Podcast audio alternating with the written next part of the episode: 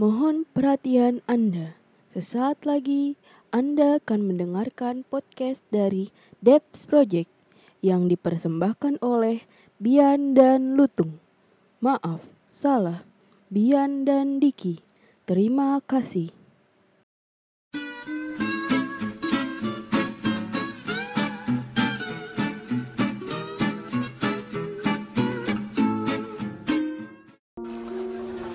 Halo semuanya, masih balik lagi bareng kita Devs Project.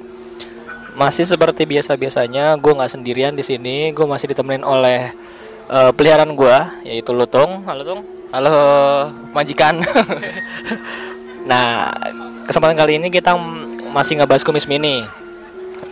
Cuman di kumis mini ini kita ngebahas tentang Lutung. Loh, kenapa Lutung tapi ya yang dibahas di kumis mini? Emang dia hantu? Bukan lah, gue kan lutung, primata, hewan. Nah, kenapa kita, kenapa kita bahas tentang lutung di kumis mini? Karena lutung ini orang yang abnormal, orang yang nggak normal. Karena gue jelek. Nggak nggak bercanda, bercanda. Gue ganteng. Orang yang punya kemampuan lebih lah untuk dunia-dunia yang di luar kita, yang beda dimensi, yang beda dimensi sama kita. Dimensi apa? Dimensi 5 watt. Itu YouTube kita yang gagal anjing. beda dimensi sama kita nah jadi coba kita kulik lah eh, pengalaman-pengalaman dia dari awalnya kenapa dia bisa sampai sekarang gitu loh di kumis mini ini Tapi mungkin gue mau nanya sih. eh apa ya? Kenapa atau gini deh. Ada nggak sih pengalaman lu yang berbekas banget sama gue gitu sebelum lu nanya ke gue gitu pengalaman yang berbekas banget bareng sama gue tuh apa gitu. Banyak nggak banyak sih. Satu aja baru nih kita kasih gua gue share satu aja satu aja. Satu. Ah minta lebih deh coba nih pertama. Suatu ketika gua pernah nganterin junior junior kampus gue sama Lutong. Gua ber yang tadinya bertujuh udah masing-masing nganterin akhirnya jadi bertiga.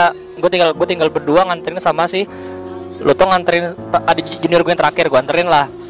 Itu sekitar jam lebih dari jam 12 malam lah sekitar setengah satu malam.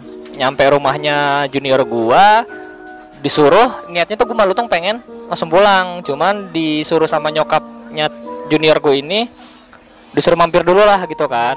Disuruh mampir akhirnya mampir. Cuman kita nggak mau untuk mampir di rumahnya. Akhirnya di depan rumahnya dan rumah itu ada semacam war bukan warkop ya tempat nongkrong lah tempat nongkrong gitu ada bangku ada meja segala macam. Kita beli kopi lah segala macam. Bertiga ngobrol-ngobrol. Nah ada momen lutung mulai ilmu eh, lutung mulai ilmu nah ilmu apa tuh? Nah dibilang bang Bian. Eh gua ngerasa ada sesuatu yang ngatin gua di arah jam 12 gua. Arah jam 12 tuh kayak ada gang kecil gitu. Ada tiang listrik. Dibilang apa ada yang ngeliatin lo? Bentar deh. Dia langsung dia langsung lah mulai nunduk mulai merem mulai nunduk mulai merem tiba-tiba dibilang bang Bian tolong pegangin badan gua. Eh, gua udah malas lah di sini tuh dia udah, udah udah udah cukup sering nih begini. Gua bilang udah lu mau ngapain? Mau nyari masalah lagi? Tiba-tiba dia langsung uh, gebrak-gebrak meja dari bawah. Brak brak brak gitu. Kencang kencang lah kencang banget cukup kencang lah. Terus gue bilang aduh malas lagi malah ini udah jago udah bilang tong tong tong udah udah udah udah di, ini anak nggak ada respon sama sekali. Kayak udah bukan yang ngisi badannya kayak udah bukan dia lah terus nggak lama eh kita langsung point aja deh langsung to karena menurut gue kelamaan langsung to cerita. Lutung mukul meja dari atas sambil tangannya dia tuh kayak ngebuang ngedorong tangannya dia kayak ngedorong sesuatu hal di arah jam satunya lutong didorong sama dia tak. Persis setelah dia ngedorong ada rumah yang pagarnya pagar besi langsung kayak ada sesuatu yang nabrak dang gitu. Kucing nggak mungkin suaranya sekeceng itu. Karena bener-bener itu pagar paten pagar paten yang punya rel yang nggak bakal bisa gerak maju mundur kalau nggak ditabrak sesuatu. Bener-bener kenceng kayak ya kayak lu nabrakin badan lu ke pagar itu dar. Gue langsung nanya anjing itu yang lu lempar apaan? Gitu dong. Monyet. Serius? Enggak, enggak bukan bukan bukan diomelin. Nah, yang dilempar sama dia itu seingat gua diceritanya Gondo bukan? Ya jangan disebut lengkap ya pengalaman buruk itu. I know I know. Nah deliver Gondo ya percaya nggak percaya deh karena menurut gua gini nggak nggak masuk logika emang. Lu ngedorong suatu hal yang nggak kelihatan tiba-tiba pas lu ngedorong pagar rumah ketabrak. Iya kalau nabrak badan bar kencang banget. Itu jelas banget gue langsung aduh nih bocah udah mulai ulah lagi. Nah itulah salah satu pengalaman gue malu. Kalau mau diceritain lagi banyak lah masih ada banyak. Kenapa, mulai kenapa itu yang paling berbekas di lu? Karena gue setelah setelah itu kan gue langsung dibilang kita nggak berantem. Cuman gue langsung lah kasar gue langsung ngomelin lo langsung langsung gue tegur. Gue bilang lu ngapain? Ini ini daerah baru. Lu jangan sok-sokan kuat gue bilang kan gitu. Iya sih. Terus? Itu itu yang paling bekas di gua. Yang sebelum sebelumnya sebenarnya membekas semua. Cuman yang tanya paling itu yang buat gua selama sama lo paling membekas. Oh bingung juga sih ya. Kadang tuh gue tuh sebenarnya jujur risih gitu kalau misalkan dibilang lu tuh indigo. Kayak gue mikir apaan sih? Kayak gitu. Gue gue sendiri pun Ka- karena menurut gue ya pemahamannya indigo itu adalah orang yang terlahir dengan karunia itu. Sedangkan gue bukan belajar juga sih emang dulu sih kalau kata nyokap gue emang gue udah bisa dari kecil. Tapi bisa dalam artian tuh gue ngeliat kayak gitu ngeliat orang-orang yang nggak dilihat. Apa sih anjing? Maksudnya gue bisa ngeliat sedangkan orang lain tuh nggak bisa lihat kayak gitu. Tapi faktanya gue sendiri tuh sebenarnya nggak ngeliat kayak gitu. Gue cuman kayak yang ngebayang bener. Ngeproyeksi gitu. Kayak tiba-tiba gue lagi ngeliat lu nih. Gue ngeliat lu tiba-tiba gue ngebayang ada sesuatu di belakang lu just it. Tapi bayangan itu tuh kayak cuman gue ngayal gitu loh. Tapi ad real jelas nyata kayak gitu. Dan ya paling kayak gitu doang sih. Gue gue sebenarnya risih sih kalau dibilang indigo. Kayak gitu. Gue lebih seneng dibilang lutung. Nggak jelas ah oke. Jadi nih kan udah bilang lo emang kalau gue sepakat orang yang indigo atau punya indera keenam itu eh, mempunyai kemampuan itu dari lahir kan iya kayak Saras 008 kun. Eh sama Panji 007 terus tapi nah kalau bilang lu nggak punya kemampuan itu cuman lu eh apa ya punya mungkin punya mungkin gue bilang indera perasa lu lebih lebih peka dibanding orang-orang normal. Iya, karena gue orangnya melankolis, gue baperan. Nggak bercanda, bercanda. nah lu eh, ini nggak apa namanya setahu gue kan lu pernah cerita ke gue soal lu pernah belajar kayak gitu. Intinya lu ngelatih kemampuan lu ini nah coba deh lu ceritain deh dari pengalaman itu dari A sampai Z dari 1 sampai 100 Sebenarnya yang harus dikoreksi sebenarnya bukan gue belajar anjing. tapi Itu nggak sengaja sih sebenarnya. ya, coba ceritain dong kenapa bisa nggak sengaja Jadi gini ceritanya. Awalnya tuh gue waktu kuliah di Bandung ya kan. Mungkin kalau udah ada yang dengerin podcast kita kan ada tuh cerita yang soal di kosan gue lama kayak gitu. iya, nah, jadi gue tuh orangnya kan teledor ya. Gue tuh orangnya teledor banget. Barang tuh gampang hilang sebenarnya sama gue. Kayak gitu. Nah, waktu itu dompet gue hilang dompet gue hilang dan itu tuh kondisinya kan emang gue lagi minum gitulah bareng sama teman-teman gue kayak Iya, gitu iya, sama senior Eh, dompet gue hilang ini lo masih kuliah di kampus lama lo iya benar oke masih sebelum di do nggak gue ngundurin diri ngeluarin diri berarti ke berarti statusnya masih maba kampus lah ya iya maba maba oke, kayak lanjut. gitu. Nah jadi dompet gue hilang nih sekali nih. Set.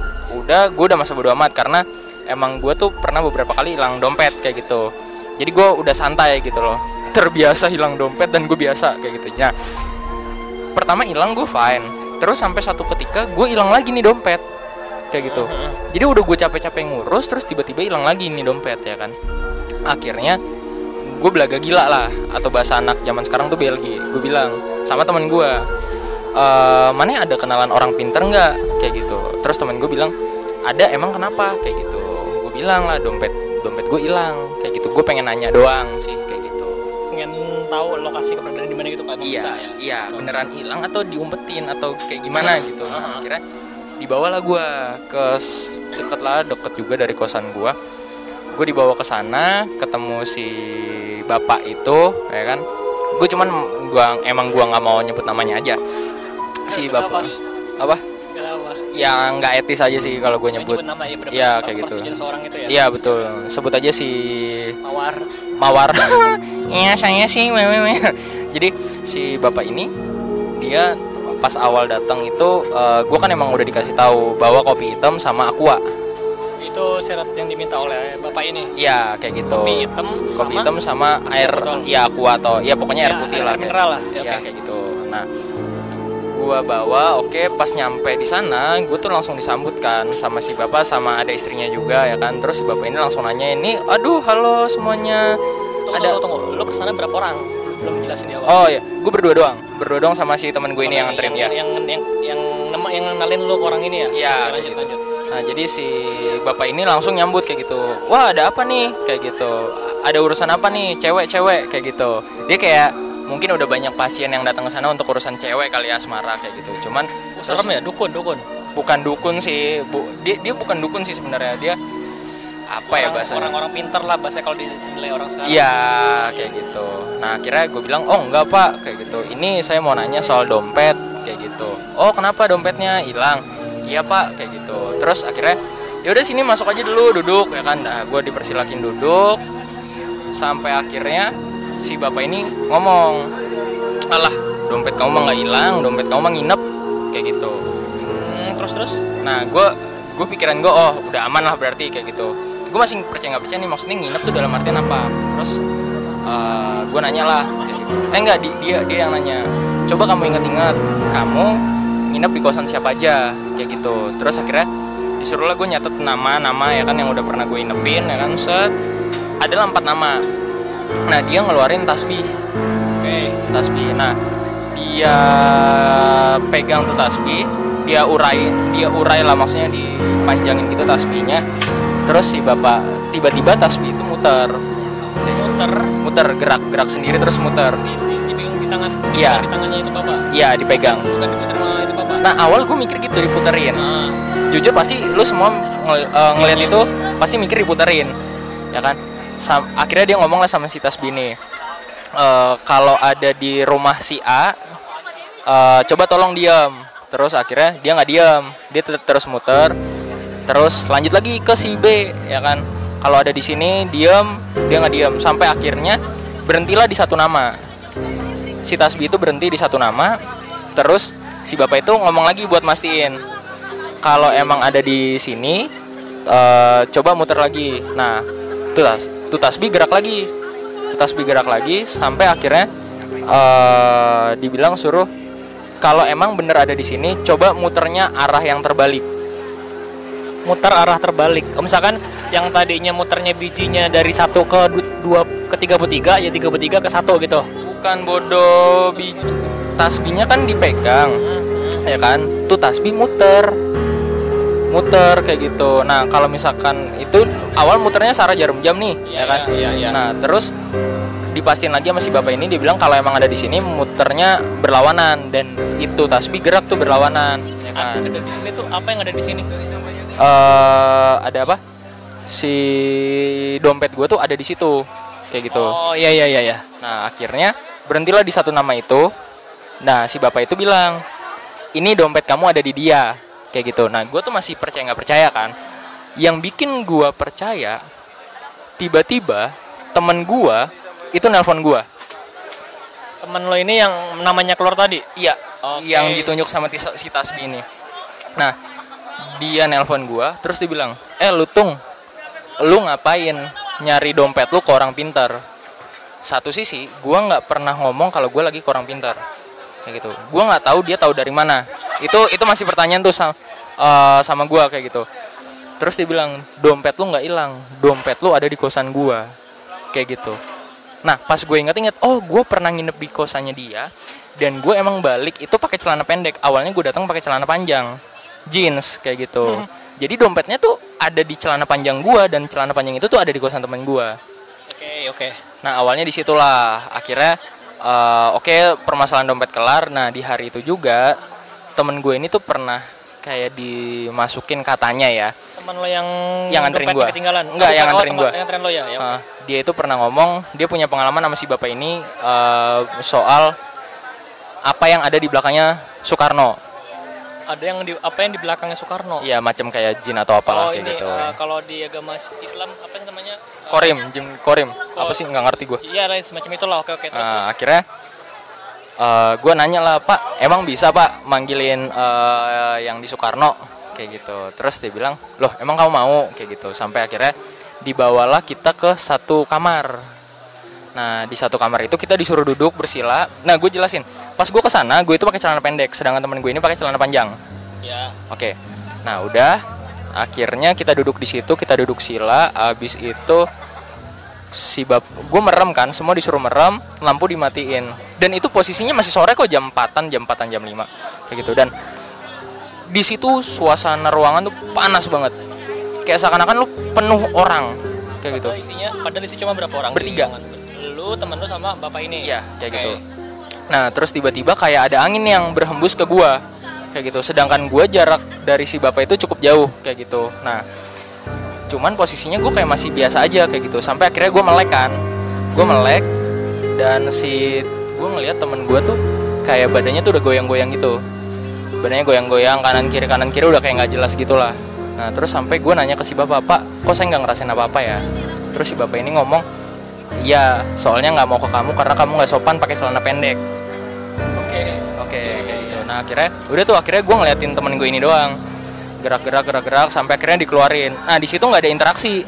Dikeluar, ah, dikeluarin apa maksudnya dikeluarin? Jadi ternyata ada sesuatu yang masuk ke dia. Ke badan temen lu ini? Iya, yang gerak-gerakin kayak gitu. Akhirnya gue nggak dapet apa-apa tuh di situ. Sampai akhirnya di malam harinya masih di hari yang sama di malam harinya tuh gue penasaran gitu kan masih penasaran. Terus gue nanya masih bapak-bapak emang saya nggak bisa banget nih? Karena gue penasaran gimana rasanya orang kalau ketempelan dan lain-lain kayak gitu. Udah akhirnya pas di ruang tamu itu gue disuruh berdiri lah di pojokan. Lampu dimatiin. Nah ini pengalaman gue yang gokil tuh ini. Sendirian. sendirian isi temen gue nih kayak disuruh duduk aja kayak gitu suruh ngeliatin. Nah jadi si bapak ini duduk di ujung itu lampu dimatiin dia ngepelin tangannya sambil baca-baca kayak gitu abis itu dia niup.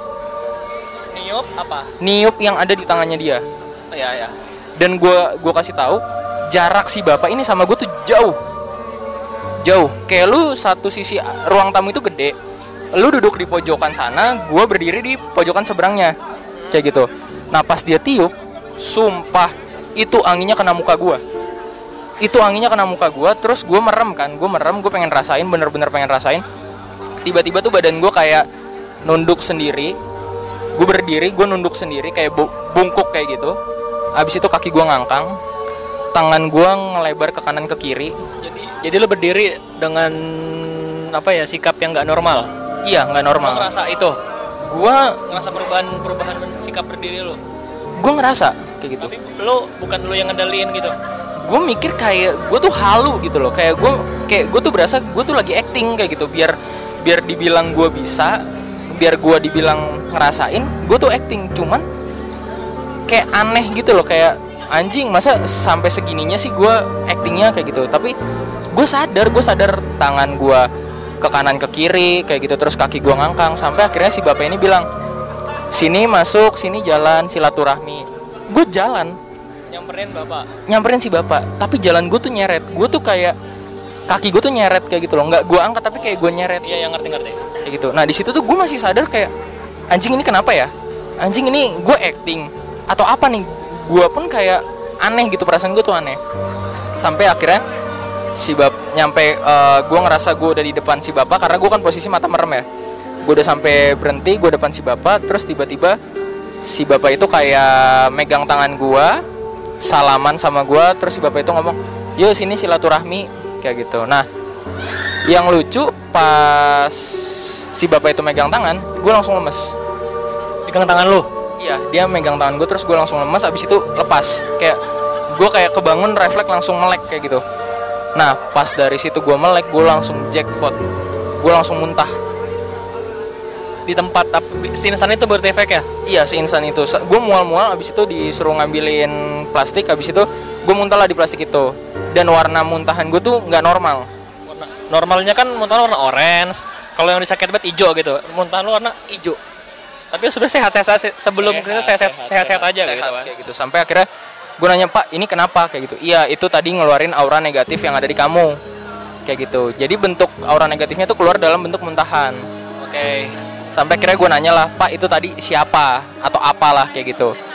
Yang gokil si bapak itu ngomong iya itu punya bapak. Tadi nemprok ke kamu kunti tingginya 2 meter. Jing, serius itu. ya kan iya iya oh ya pantas lah anjing badan gua sampai bungkuk kayak 2 meter lu ngerebah ke badan gua gitu Posisinya berarti dia nge lu ngegendong dia. iya di Bukan gua- lu dimasukin enggak ya? Oh Enggak. Kalau lu dimasukin lu udah nggak sadar kali ya. mungkin kayak gitu sam jadi si kunti itu tuh kayak di belakang gua abis itu kayak dia yang ngegerakin kaki gua tangan gua apa segala macam cuman Tunggu tunggu. Tapi lu dengan gini logikanya ya, suatu hal yang tingginya 2 meter gitu kan lebih tinggi dari lu. Lu merasa ngerasa berat nggak? Ada yang lu gendong nggak saat itu? Gue nggak ngerasa gue ngegendong sesuatu cuman gue ngerasa posisi gue bungkuk itu gue nggak bisa berdiri tegak. Oke, ya ya ngerti. kayak gitu. Nah akhirnya udah tuh ya kan? Di situ pengalaman pertama gue soal hal-hal kayak gituan secara sadar ya maksudnya pas gue udah gede kayak gitu. Nah akhirnya gue baliklah ke kosan. Pas gue balik ke kosan gue kan waktu itu pernah ceritakan soal kamar mandi gue kan? Ya. nah gue tuh ngerasa udah mulai wah nggak beres nih kamar mandi nih kayak gitu kan pas gue balik itu gue makin ngerasa nggak enak sampai sisi kamar gue tuh nggak enak. Kayak gitu. Ah. kayak dampak abis gue ketemu si bapak ini kayak gitu. Cuman yang lucu adalah sel- eh, be- se- besokannya tuh gue langsung datang lagi ke sana. Kayak gue iseng lah kayak akhirnya pengen belajar ngen- ngendaliin apa segala macam nah di situlah. Dan bodohnya gue gue baru sadar semakin gue sering untuk jadi mediator atau sering dimasukin lu secara se- wadah ya. Ya gue jadi wadah ya gue semakin peka kayak gitu Ngebuka apa ya? Bukan mata batin, mungkin ngebuka ngebuka sensitivitas badan lu gitu kali ya. Makin Iya, ngebuka, iya. makin ngebuka perlahan-perlahan. Lu, lu, lu bilang lu akhirnya setelah kejadian itu lu coba datang lagi kan untuk belajar sendirian kan? Apa sama teman lu lagi? nggak bareng tetap bareng sama teman gue gue masih berdua ya masih berdua kayak gitu ya udah akhirnya gue gua stay gue belajarin apa segala macam sampai ya udah akhirnya gue bisa kayak tangan gue sebelah kanan panas tangan kiri gue dingin. Gue sampai bisa ngontrol kayak gitu. Kayak baik kalau kata si Romi Rafael kayak sugesti gitu kan. Cuman cuman ketika gue praktekin kayak gitu iya tangan gue pas dipegang sama orang lain emang panas. Dan tangan kiri gue dingin. Be- be- beda suhu lah intinya antara tangan kanan sama tangan kiri kayak gitu. Iya iya. dan itu tuh kayak cuman dibilang coba konsentrasi eh, terus rasain semua yang ada di tangan kanan kamu itu kayak panas apa segala macam kayak gitu. Jadi dikonsenin tuh di satu tangan doang. Sedangkan tangan yang satunya kan enggak makanya kenapa bisa kanan panas kiri dingin kayak gitu. Nah selesai sampai situ gue kan keluar dari kuliah gue ya? Ya, keluar ya. dari kuliah gua masuk ke balik ke Jakarta gua awalnya udah nggak mau masuk ke dunia-dunia kayak gitu tuh. Cuman pas gua kuliah lagi ya kan kayak nggak sengaja tuh ketemu orang-orang yang sejenis atau setipe yang bisa kayak gitu. Nah akhirnya mungkin kepancing ya kepancing apa yang ada di gua tuh kepancing terus akhirnya ngebuka lagi kayak gitu. Ya kurang lebih sih gitu ya kenapa akhirnya gua kayak sekarang tuh sebenarnya gue lebih kepeka. Gue kepeka sama hal-hal kayak gituan. Permasalahan yang tadi lu bilang soal gua ngelempar sesuatu apa segala macem itu refleks. Itu refleks yang di mana gua merem gua ngebayangin gua ngebayangin barang itu si gondo itu mau nyerang ke kita badannya kan gede banget ya Nyerangnya gimana sih? Gua bentuk serangannya tuh seperti apa? dia tuh mau datang ke kita terus kayak eh, nyergap ya Peluk gitu. meluk kayak gitu karena bentangan tangannya dia kan gede banget kan panjang banget Bisa dikira-kira nggak bentukan gondo itu tingginya berapa meter, terus lebarnya badannya sebesar le- selebar apa? Betternya gini sih, lu ngegambarin itu ketika lu ngeliat pohon gede, tingginya segitu. Pohon gede. Apa pun, pohon Oke. apa pun, dia bisa setinggi itu. Terus lebarnya? Lebar, kurus apa? Gemuk, gemuk. Nah, lu jangan mancing gua untuk, jangan mancing gua untuk apa? Buat ngedeskripsiin, karena takutnya gua, gue berhadapan lagi no sama yang bocah kayak gitu. Karena gue basicnya, gue tuh nggak bisa dipancing. Gue tuh masih belum bisa kontrol. Jadi ketika lu ngomongin sesuatu, terus tiba-tiba mata gue kosong, gue ngebayang tuh. Nah, posisi ngebayang itu bisa macem-macem kayak gitu. Nah, gue balik lagi. Si Gondo itu tuh lebaran tangannya tuh mungkin bingung juga sih gue. Bentangan tangannya gitu. Kalau lu sekolah berenang lah mungkin dengan tinggi yang tinggi banget bentangan tangannya tuh kalau direntangin gitu ya bisa se- selebar kolam berenang mungkin. Raksasa. Iya. Semacam itu dong berarti dong. Iya lebih ke raksasa. ngaco, ngaco. Nah, jadi pas gua ngebayangin itu dia tuh kayak langsung mau nangkep warkop itu, ya kan? kayak langsung mau meluk meluk bener-bener meluk sampai akhirnya gue refleks gue gebrak meja. Gue gebrak meja terus pas gue gebrak itu kayak ada yang shield anjay shield. Kayak ada yang Namengin, namengin, namengin. kayak gitu. Ya udah akhirnya dia kepental kayak gitu. Nah kenapa gue bisa gebrak meja? Itu pun gue kayak ya itu tadi gerakan refleks kayak gitu. Kayak gue konsen di tangan kanan gue terus gue gebrak ke atas kayak gitu nah itu makanya kenapa bisa kalau lu bilang lu kayak ada ngedenger apa apa gue ngebayang emang gue kebayang si Gondo ini tuh kelempar kayak gitu Pas eh, lu ngebanting, bukan ngebanting, ngegebrak tangan lo ke atas, itu bentuk serangan lo ke Gondo itu. iya mungkin ya Dampaknya ke dia apa? Maksud gue yang dirasain tuh apa?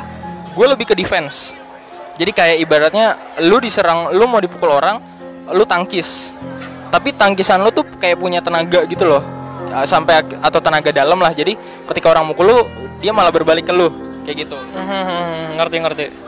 Nah, paling kayak gitu sih. Itu ya poinnya sih kalau dari gua gue cuman bisa ngebayang proyeksi. Jadi tipikal gua itu akhirnya kan beberapa hari kayak mulai ke sini sini kan kayak gue suka nonton YouTube terus gua cari-cari referensi akhirnya adalah satu dunia kayak gitu katanya ada tipe-tipenya. Ada tipe yang bisa ngerasain empati orang orang banyak. Dia bisa ngedenger apa yang diomongin orang dalam kepala dia bisa ngerasa dia bisa ngedenger makhluk-makhluk itu ngomong apa. Nah gue tuh lebih ke tipikal yang perasa perasa peka ke proyeksi kayak gitu. Jadi ketika lu ngomongin wah iya nih di rumah gue ada kayak gini gini gue tiba-tiba bisa pindah gue bisa di di bayangan gue tuh gue pindah ke salah satu rumah dan ternyata rumah itu rumah lu kayak gitu Jadi ya langsung lo langsung lo loncat lah gitu ya. Iya kayak gitu. Gua ngebayang oh, kayak gue bisa nembak tembok lu kayak gini. Terus kamarnya eh, di sini, terus oh posisinya dia ada di bawah tangga ya atau di sini, di sini, di sini kayak gitu. Nah, gue tuh lebih tipikal yang lu ngomong gue pindah, gue ke proyeksi kayak gitu sih. Oh, dan dan selama lu belajar sama bapak ini nih, lu pengalaman yang paling serem lu tuh selama selama belajar ini tuh apa? Apakah yang paling serem tadi yang pas lu bongkok tadi atau ada hal yang lebih serem lagi? Kalau selama sama si bapak ini nggak ada sih. Oh pernah pernah pernah. Jadi pas sa- satu ketika gue ke rumah si bapak ini bareng sama temen gue bertiga, kita ke, ke WC nih. Kita ke WC karena kita ketakut kan ke WC sendiri sendiri. Kita WC bertiga nih, kencing bertiga. Posisinya eh, kita di hadapan yang sama, ngeliat ke tembok. Nah itu tiba-tiba kita kayak refleks barengan tuh nengok ke kiri semua bertiga. Nah itu itu langsung gua nanya kan mana lihat? Heeh. Terus temen gue juga mana dik? Heeh aing juga lihat. Kalau mana iya aing lihat. Apa? Item-item kan? Buletan item lari ke kiri. Heeh nggak beres nih yaudah cabut yuk. Keluar kita langsung lari dari kamar mandi Itu eh, kalian bertiga serempak ngeliat ke kiri karena ada pergerakan, ada ada suara atau ada angin atau ada apa? kayak ada yang gerak Oh, berarti ada berarti oh berarti ada gerakan yang bikin kalian tuh tertarik ke kiri ter- tertarik ngeliat ngadep ke kiri langsung ngeliat ke kiri lah makanya langsung ada sesuatu hitam yang lari gitu ya Iya, gitu iya iya kayak gitu. Nah itu, nah itu tuh pas, cuman pas kita nanya, Pak itu apa ya? Enggak, enggak ada apa-apaan kayak gitu. Coba eh, mungkin gue coba karena kan gue nggak akan gue nggak akan nanya nama, nama nama bapaknya ini siapa cuman kira-kira tau nggak background bapak ini apa latar belakangnya? Dia kerja sebagai apakah? Karena menurut gue dia tuh punya kemampuan lah gitu loh ilmu eh, yang kita nggak yang kita nggak bisa pastikan tuh ilmu apa kan. Nah, selama, selama bukan selama sejauh lo kenal sama bapak ini backgroundnya tuh seperti apa sih bapak ini? Background dalam artian pekerjaan atau apa nih? pekerjaan boleh mungkin di bisa gambarin pekerjaannya apa umurnya umurnya berapa perawakan fisiknya seperti apa biar biar kasarnya ya kita semua yang denger nih bisa ngebayang oh bentukan bapaknya seperti ini Kocak, kocak. Eh si si bapak ini nggak nggak punya, gua nggak tahu ya. Dia kayaknya emang sehari-hari emang tuh cuma di rumah. Jadi eh, pemasukan dia di, dari orang-orang yang kayak datang ke situ kayak ngobrol, sharing, terus si bapak ini mi- minta bantuan lah ke si bapak ini. Mungkin pemasukannya tuh emang cuma dari situ kayak gitu. Nah kalau dibilang umur ya paling 30-an 40-an lah kayak gitu. Perawakannya ti- tinggi nggak nggak tinggi-tinggi banget lah 100 169 apa 170. Cuman emang rada gempal gempal gemuk gemuk gemuk. Ya gemuk gemuk. Berarti oh berarti sebenarnya nggak nggak tua tua banget ya karena gue nggak gue gue gue mikirnya umur umur range 50-an gitu orang 50-an sekitar 50 tapi masih 30 40-an lah masih masih apa ya bahasanya ya? Separuh baya lah. Ya ya ya 40-an lah pokoknya kayak gitu oke jadi itu uh, pengaji berarti gini lu udah punya talenta gitu di pas pas dari lahir dari nyokap lu ya kan? Nyokap lu ngasih lu bisa ngerasain ini bisa ngerasain ini bisa ngegambar ini ngegambar ini. Terus karena lu juga tipikal yang penasaran sama dunia itu jadinya lu ngelatih ngelatih ngelatih ngelatih sampai sekarang lu bisa bisa yakin gitu kalau lu tuh emang ngelihat plak-plakan sebenarnya enggak gitu ngeliat 100% enggak cuman ngebayang ngeproyeksi kayak gitu kan? Iya kayak gitu gue lebih ngebayang ngeproyeksi. Kalau dibilang ketemu takut apa enggak ya takut lah. Gue ngebayang gue bisa ngebayang bentukannya kayak gimana bentuk mukanya kayak gimana aja tuh gue udah scare kayak gitu. Apalagi waktu yang si gue kejadian pahit itu sama si Gondo itu gue tuh awal tuh kayak cuman ngebayang dari jauh nih ya kan? Tiba-tiba gue bisa ngebayangin bentuk mukanya kayak gimana rambutnya kayak gimana ekspresinya dia kayak gimana. Nah tiba-tiba ngedeket ngedeket ngedeket ngedeket kayak lu depan muka lu gitu loh wah itu kan jiper gue gue ngebayang aja tuh jiper gimana gue bisa ngeliat. Ketika gue bener-bener bisa ngeliat dan wah kelar sih gue gue pingsan di tempat sih kayaknya. Karena kan kayak beda lah ketika lo ngebayang sama beneran ngeliat realnya kayak gitu. Oh iya. Kalau saya, pernah juga nih yang pas kita ke puncak nih kalau inget nih kita kita ke puncak lagi ngopi lagi makan mie lah gitu kan di suatu tempat makan yang view-nya itu langsung ke jurang gitu jurang jurangan. Nah terus tiba-tiba lu kaget lu berarti lu, lu tuh kaget kaget lu parah res, sampai lu nyenggol meja kaki lu nendang gua gitu kan. Pas lu tanya anjing lu kenapa? Lu bilang ada ada sesuatu yang gitu terbang dan itu kata dan, dan lu bilang jelek banget. Ya itu biasa. Kadang tuh gua tiba-tiba kayak kebayang terus beneran shock gitu.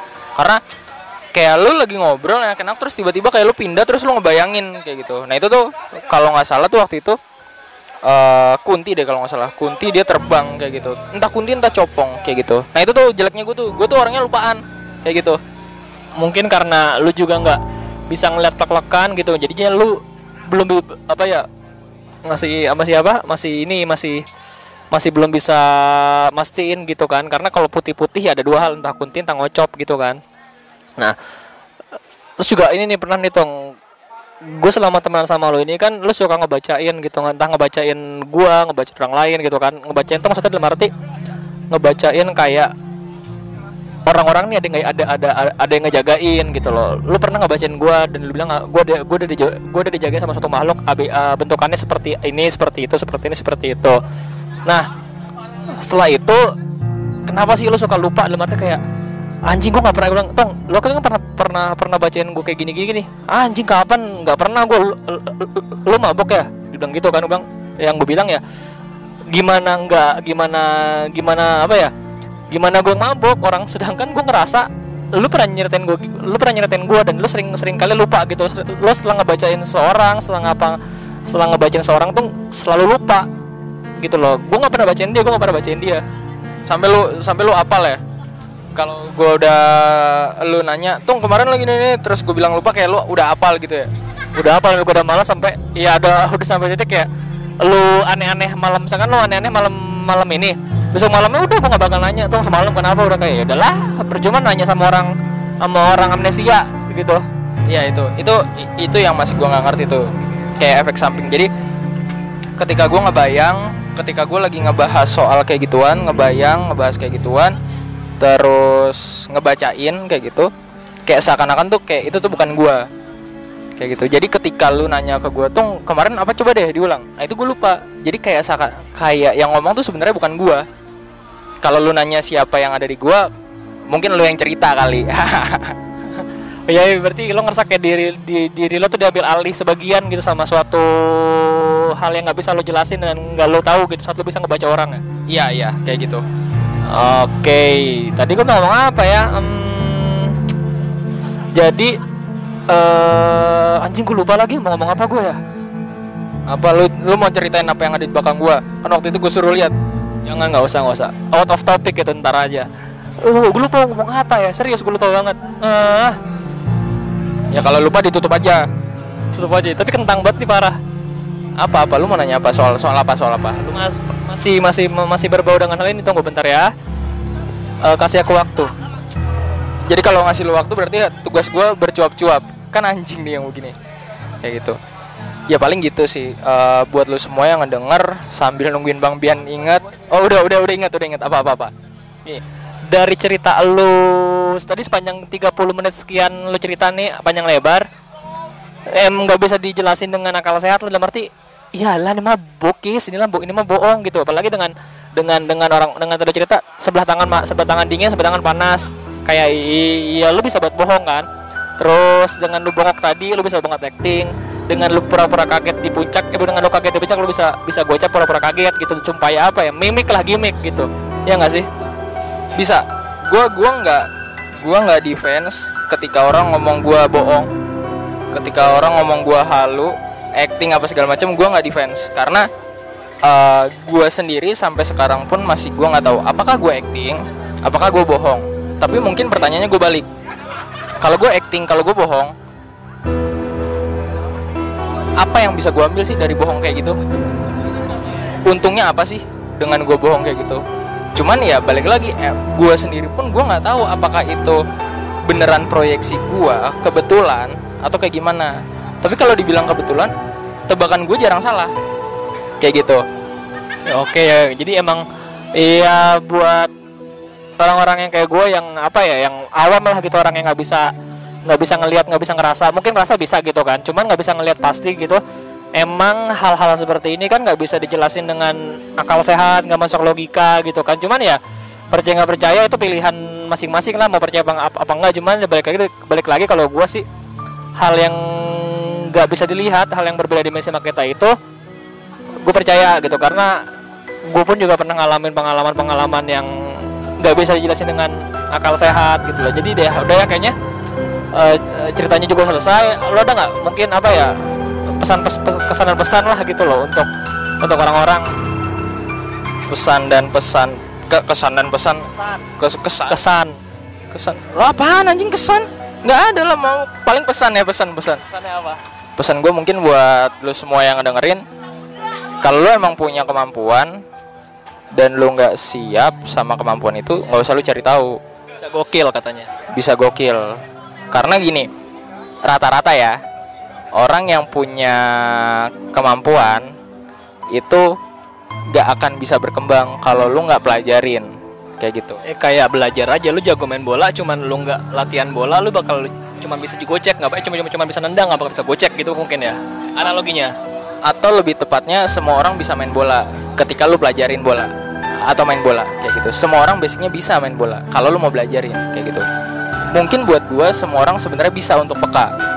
Tapi kalau lu nggak siap efek samping dari peka itu jangan pernah lu pelajarin kayak gitu. Karena rasanya nggak enak kayak gitu Jadi yang lebih baik ya kalau lu nggak berani nggak siap lebih baik ya udah nggak usah lu nggak usah ngelihat nggak usah ngerasa lebih aman gitu daripada bisa ngelihat cuman hidup lu diganggu sama hal-hal itu setelah seumur hidup gitu kan bisa gue bilang tadi bisa gila lo kalau nggak siap mental kan Iya betul dan kalau lu cuman sebatas kepo, kepo dan lain-lain, it's okay untuk kepo siapa, gue gimana sih, emang ada apa ada apa, itu kepo nggak apa-apa. Tapi untuk lu pelajarin biar lu bisa ngelihat apa segala macem, gue bilang jangan kayak gitu. Karena eh untungnya juga sih menurut gua dengan lu tahu itu lu, lu tahu keberadaan mereka lu bisa lihat keberadaan mereka ya nggak?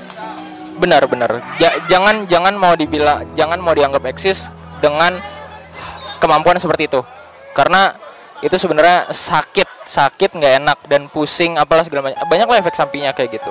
Mungkin itu sih gue pesan gue buat yang ngedengerin ini kayak gitu. Cuman balik lagi ya gue gue tegasin gue gue nggak suka dibilang indigo. Orang indigo pun ketika denger gue ngomong kayak gini pasti mereka bisa bilang gue bukan indigo kali. Kayak gitu kayak gitu sih. Itu doang dari gue udah oke jadi kita udahin ngobrol kita pada episode kali ini dengan orang indigo. Anjing. Kita udah ngobrol ngobrol kali ini ya itu singkat ceritanya lah gitu. Kalau mau dicerita dari A sampai Z bisa dua jam dua jam tiga jam kali ini podcast nah tadi karena gue yang gue yang buka ini podcast jadi gue harus juga gue nutup oke thank you buat cerita lo tong thank you juga buat lu yang udah ngorek-ngorek Dah, kita tutup semuanya. Dadah.